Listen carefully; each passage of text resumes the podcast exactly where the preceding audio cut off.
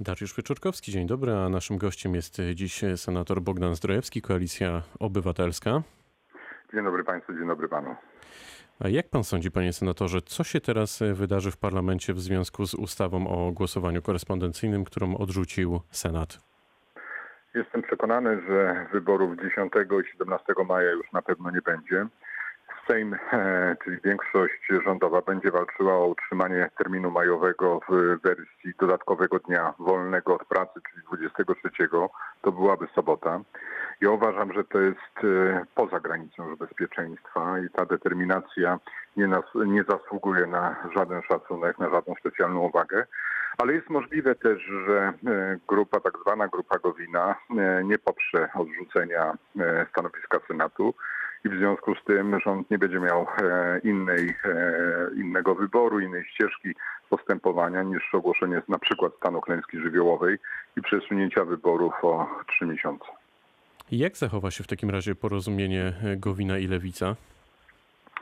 Wydaje się, że Lewica jest zdeterminowana do tego, aby w żadnym wypadku nie dopuścić do wyborów w maju ze względu na stan trwającej pandemii.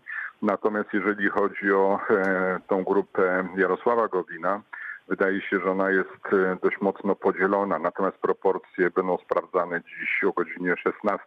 Wydaje się, że większość poprze jednak byłego wicepremiera. Natomiast ważne jest, e, ile osób stanie za stanowiskiem wyrażonym wczoraj przez e, pana posła Tomaszewskiego.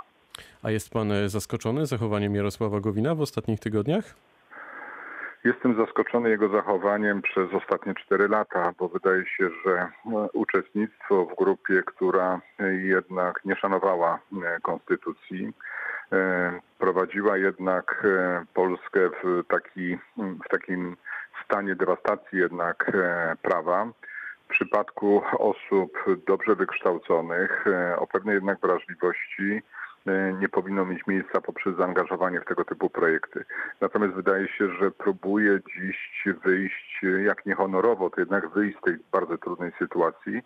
E, I według mojej oceny czyni to w okresie niezbyt fortunnym, bo z jednej strony mamy e, kampanię wyborczą, tą niechcianą, tą nieszanowaną, tą właśnie w jakimś sensie kwestionowaną, a z drugiej strony mamy e, walkę z pandemią.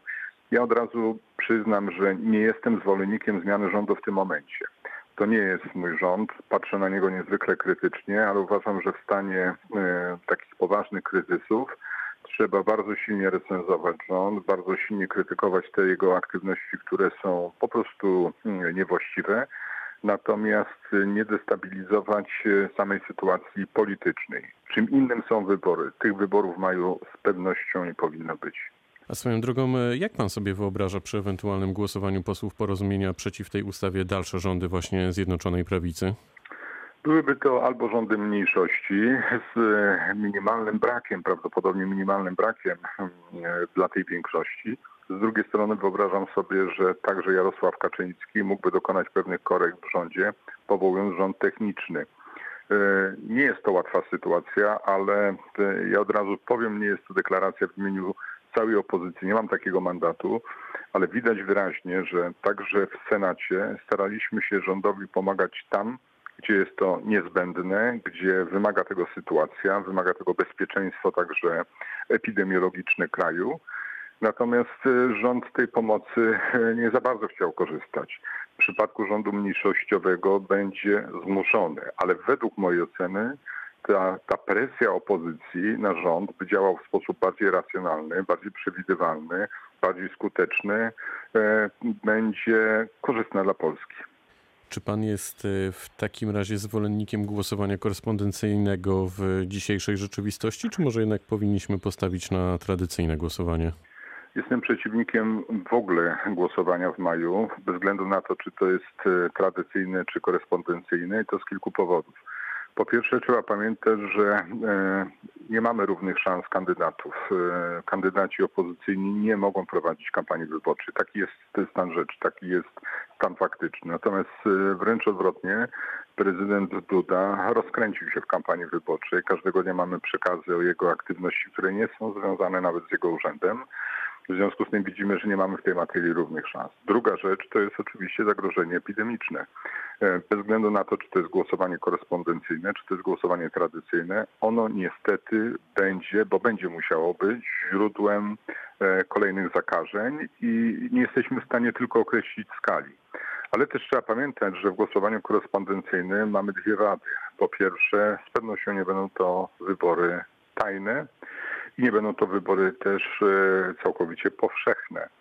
Z drugiej strony zwracam uwagę także na to, że pracownicy poczty to też obywatele państwa polskiego, którzy mają prawo oczekiwać od państwa bezpieczeństwa w zakresie właśnie e, zdrowotnym i też trzeba pamiętać, że rodziny w Polsce w ostatnich latach mamy bardzo podzielone politycznie. Dostarczanie pakietów korespondencyjnych może być źródłem dodatkowych napięć, niepotrzebnych konfliktów. Ja uważam, że im mniej wojen polsko-polskich, tym lepiej. Im bardziej racjonalne aktywności, tym e, korzystniej. I na koniec e, akurat tego wątku powiem też, że to, na co patrzę z pewną przykrością, ale też z pewnym zdumieniem i z sprzeciwem w finale, to nieracjonalność podejmowania decyzji związanych z walką z pandemią. Rząd koncentruje się na wyborach prezydenckich, natomiast pandemię traktuje jako ten drugi problem. Powinno Ale widzi pan, panie senatorze, wejdę w słowo, że tutaj nawet e, eksperci, mam na myśli lekarze, e, są podzieleni. To znaczy, w zależności od tego, kogo słuchamy, to ta narracja jest e, naprawdę skrajnie różna. Tak bym to ujął, jeśli Ma chodzi o rację. uwalnianie poszczególnych dziedzin gospodarki, o wybory. W zasadzie jesteśmy nawet tutaj w tym temacie podzieleni. Tak, ma pan rację. Ja to także obserwuję. Obserwuję także wirusologów e, z e, instytucji europejskich, ale też światowych.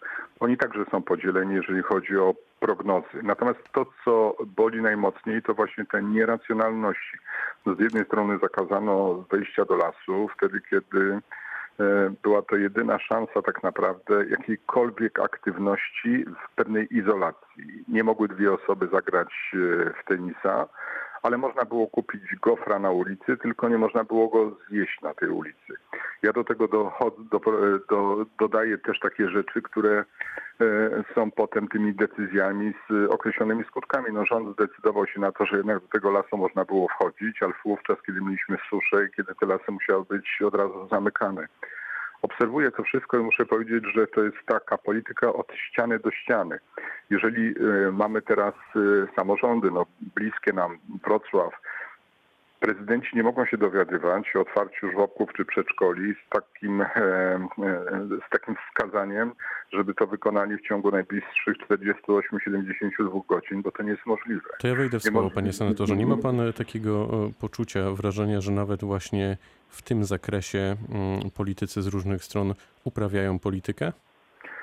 Tak jest. E, ja uważam, że trzeba być tu e, bardzo powściągliwym i niezwykle odpowiedzialnym. E, Proszę zwrócić uwagę też na, na moją aktywność, ale aktywność całej grupy naszej w Senacie. My poprawialiśmy dwie ustawy covidowskie naprawdę w ciężkim wysiłku i w dużym stresie, bo te ustawy były bardzo źle przygotowane. Poprawki, które złożyliśmy, racjonalizowały sytuację, pomagały czy zalepiały dziury, które, luki prawne, które, które się w tej ustawie znalazły i pomimo tego zostały one blokowo odrzucone w Sejmie. Wydaje się, że jeżeli my zwracamy uwagę na to, że na przykład w samorządzie terytorialnym mamy instytucje kultury, które przygotowały e, wydarzenia edukacyjne, wydarzenia festiwalowe, koncertowe. I samorządy poniosły koszty związane z przygotowaniem tych e, imprez, tych eventów, tych e, różnych przedstawień, premier, etc., etc., to przynajmniej te koszty należałoby im zrekompensować. Ale to równie Rząd dobrze odrzuca. mogliby to e, powiedzieć też ludzie, którzy na przykład prowadzą w tej chwili restauracje, zakłady fryzjerskie, no i oni też z jednej strony mogą korzystać z tarczy, z drugiej pewnie w praktyce za jakiś czas dowiemy się, jaka efektywność z tej tarczy płynie. Proszę mi powiedzieć w takim razie, kończąc wątek e, wyborów, kiedy w takim razie, gdy dziś o nich rozmawiamy, możemy się spodziewać, że wybierzemy głowę państwa? Gdy pan patrzy na to z boku, spróbujmy się jakby wznieść ponad polityczne podziały. term- Tak, optymalnym terminem, patrząc na obecny stan prawny, to jest koniec e, sierpnia, początek września. Tam są pewne problemy prawne dotyczące właśnie jeszcze tych terminów po tak zwanej klęsce żywiołowej, ale jest to do, e, e, do przeprowadzenia. Natomiast oczywiście przy innej zgodzie, zgodzie bardziej głębokiej, bardziej racjonalnej, te wybory mogłyby się odbyć jeszcze troszeczkę później. Natomiast ja tej racjonalności po stronie obozu władzy dziś nie widzę. Widzę raczej determinację, taką, taki upór, żeby przeprowadzić te wybory w maju. E, To fatalna decyzja, zwłaszcza, że ona może grozić poważną konsekwencją nieuznawania e, tych wyborów przez niektóre instytucje światowe, europejskie. No to groziłoby Polsce dołączenia do, do Białorusi. Dla nas oznaczałoby to nie tylko straty wizerunkowe. Jak się mówi o stratach wizerunkowych, to zapomina się, że za stratami wi- wizerunkowymi idzie wiarygodność, a następnie straty gospodarcze, straty ekonomiczne, straty finansowe. One dotykają obywateli już wprost. E, My bardzo łagodnie mówimy w Senacie rządowi, aby mm, jednak skupił się na walce z koronawirusem, skupił się na e, testach, lepiej e, zlokalizował e, te miejsca zakażeń, czyli te ośrodki koronawirusowe, bo łatwiej będzie uwalniać te grupy z ograniczeń działalności gospodarczej, o których Pan wspomniał. Fryzjerów, gastronomię, hotele, ośrodki rozmaite usługowe, które bardzo często są zamknięte przez wpisanie ich w definicję takich aktywności, które nie są związane z zagrożeniem koronawirusowym. Panie senatorze, a jak pan ocenia e, zachowanie pani marszałek, to znaczy jej kolejne deklaracje o starcie lub bojkocie wyborów? Bo wam, patrząc na sondaże, raczej to nie sprzyja. To był błąd? E, Małgorzacie Kidawie-Błońskiej jest bardzo trudno. Ona znalazła się w sytuacji właściwie takiej trochę bez wyjścia. Bo z jednej strony oczywiście e, podjęła tą decyzję, że ona w tych wyborach nie będzie brała aktywnego udziału, czyli po prostu nie zagłosuje w nich, a z drugiej strony jest kandydatką. Trzeba jednak pamiętać, że jeżeli ona dzisiaj skreśliłaby się z tej listy, czyli doprowadziłaby do formalnego zrzeczenia się ubiegania o mandat prezydenta, o stanowisko prezydenta, to w przypadku przesunięcia wyborów y, zgodnie z jej także intencją, na przykład na sierpień czy wrzesień, ona by na tą listę już nie mogła wrócić. No tak, ale jednak pozostali kandydaci opozycji nie odpuszczają i e, walczą do końca i też e, krytykują was. To znaczy, Mają do tego prawo. Ja od razu powiem, że nie będę krytykować ani Szymona Hołowni, ani na przykład Władysława Kosiniaka-Kamysza. Oni inaczej oceniają tą sytuację, mają do tego prawo, tak jak prawo to miała Małgorzata Kidawa-Błońska. mamy, panie senatorze, pół minuty. Ma, Czy, natomiast ma pan rację, że efektem tego jest poważna strata, poważna strata sondażowa naszej kandydatki. czy widziałby pan w takim razie alternatywę e, dla pani marszałek? Ktoś mógłby Dziś w waszym imieniu powalczyć nie. jeszcze o prezydenturę? Dziś zdecydowanie nie, natomiast gdyby te wybory odbywały się w dużym przesunięciu, to oczywiście cała procedura byłaby uruchamiana od początku, natomiast dziś takiej decyzji nie ma. Senator Bogdan Zdrojewski, Koalicja Obywatelska, był gościem rozmowy Dnia Radia Wrocław. Bardzo dziękuję. Bardzo dziękuję i dobrego dnia. Pytał Dariusz Wyczorkowski, również dobrego dnia.